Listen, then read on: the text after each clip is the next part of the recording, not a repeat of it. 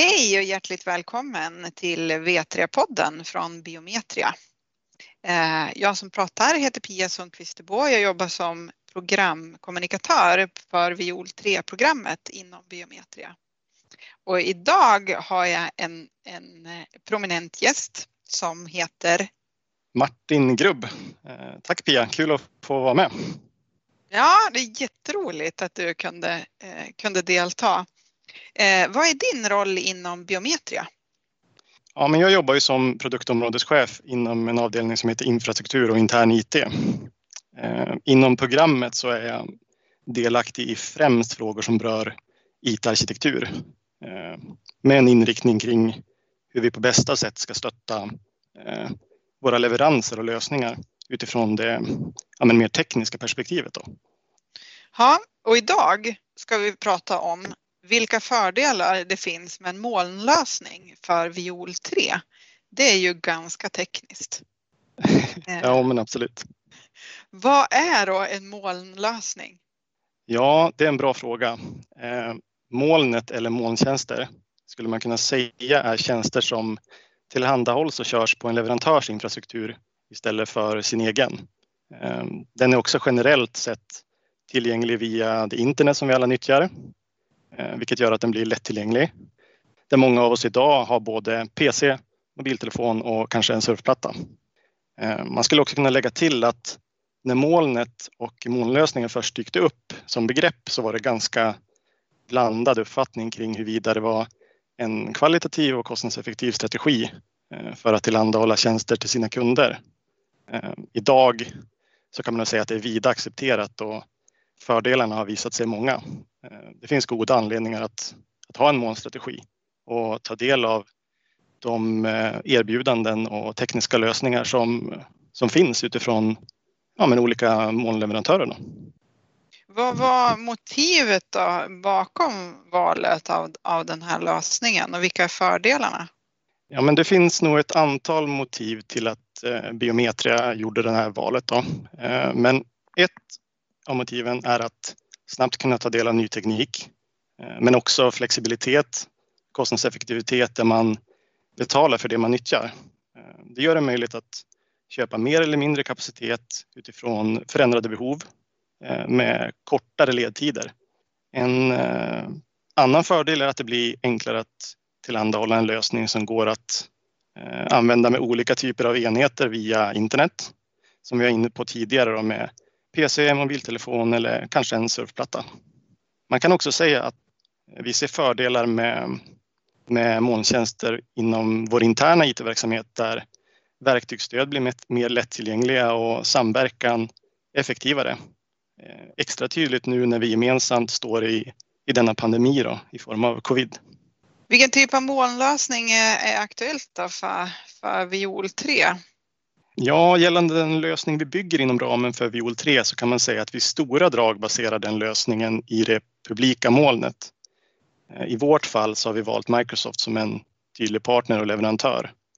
Vi bygger idag lösningen med affärssystemet Dynamics 365, Finance and Operations. Eh, vi har EU egenutvecklade delar då i, i Microsofts molnlösning Azure. Vi, vi nyttjar även Power BI från Microsoft för att tillhandahålla business intelligence-funktionalitet och visualisera den med olika typer av rapporter. Vi använder också, som jag nämnde tidigare, molntjänsterna i våra utvecklingsprocesser och digitala arbetsplats, vilket gör att vi kan fokusera mer på att bygga lösning till våra kunder och lite mindre på förvaltning och drift av verktygsstöd. Värt att lägga till är väl dock att dessa lösningar fortfarande behöver ha en livscykelhantering, förvaltning och driftsperspektiven i åtanke det förstår jag. Eh, finns det några risker då förknippat med, med att använda molnet? Det finns ju för och nackdelar med det mesta. Eh, men man skulle väl kunna säga att ja, absolut finns det risker som gör att vissa aspekter blir lite mer utmanande i relation till mer traditionell utveckling och driftplattform där man själv har kontroll på infrastrukturen. Mm. En av riskerna är till exempel att man som organisation inte har full insikt i hela plattformen och kan kontrollera förändring som sker i den plattformen man nyttjar. Men eh, där handlar det dock om att man måste förändra sina egna arbetssätt och vara duktig på att istället omfamna och hantera förändring. det blir liksom lite, det blir lite ge och ta för att kunna dra nytta av de fördelar det också ger med molntjänster. Då. Här blir det också viktigt att man ser över vilka leverantörer som finns och vilka som passar just för sina behov och hur man samverkar tillsammans med leverantören. Just det där med samverkan är nog ganska viktigt. Mm, absolut. Kan jag som kund då eh, förvänta mig att eh, kunna arbeta mer effektivt eh, i en molnlösning? Ja, men det är ju en bra fråga. Det kan man väl säga. Det finns en vinst i att våra tjänster kommer gå att komma åt via PC och mobiltelefon direkt över internet. Det blir mer lättillgängligt. Förhoppningsvis så gynnar det ju också en ökad intern effektivitet, effektivitet hos Biometria också dig som kund där vi förhoppningsvis kan släppa funktionalitet med tätare intervall än tidigare. Det låter bra. Kommer Viol 3 att erbjudas som en så kallad eh, software as a service? Ja, det är ju ett, ett eh, lite svårt begrepp men det kan man väl säga att Viol 3 är. Eh, vi erbjuder ett antal tjänster utifrån Viol 3 och dessa blir tillgängliga med ett antal funktioner över internet. Eh, det kommer gå att interagera med dessa tjänster via Viol 3s gränssnitt men också integration om det är av intresse. Så ja, men absolut, det kan man väl säga att Viol 3 är en SAS-tjänst. Finns det något övrigt då som du vill förmedla till lyssnarna om Viol 3 och molnet? Eh, ja, men vad roligt. Ja, men jag hoppas ju att Viol 3 och det område som jag främst rör mig i, det tekniska perspektivet, är av intresse även för dig som kund. Eh, med en större frihet i val av enhet och åtkomst, nya integrationsmönster och en eh, modern business intelligence-lösning.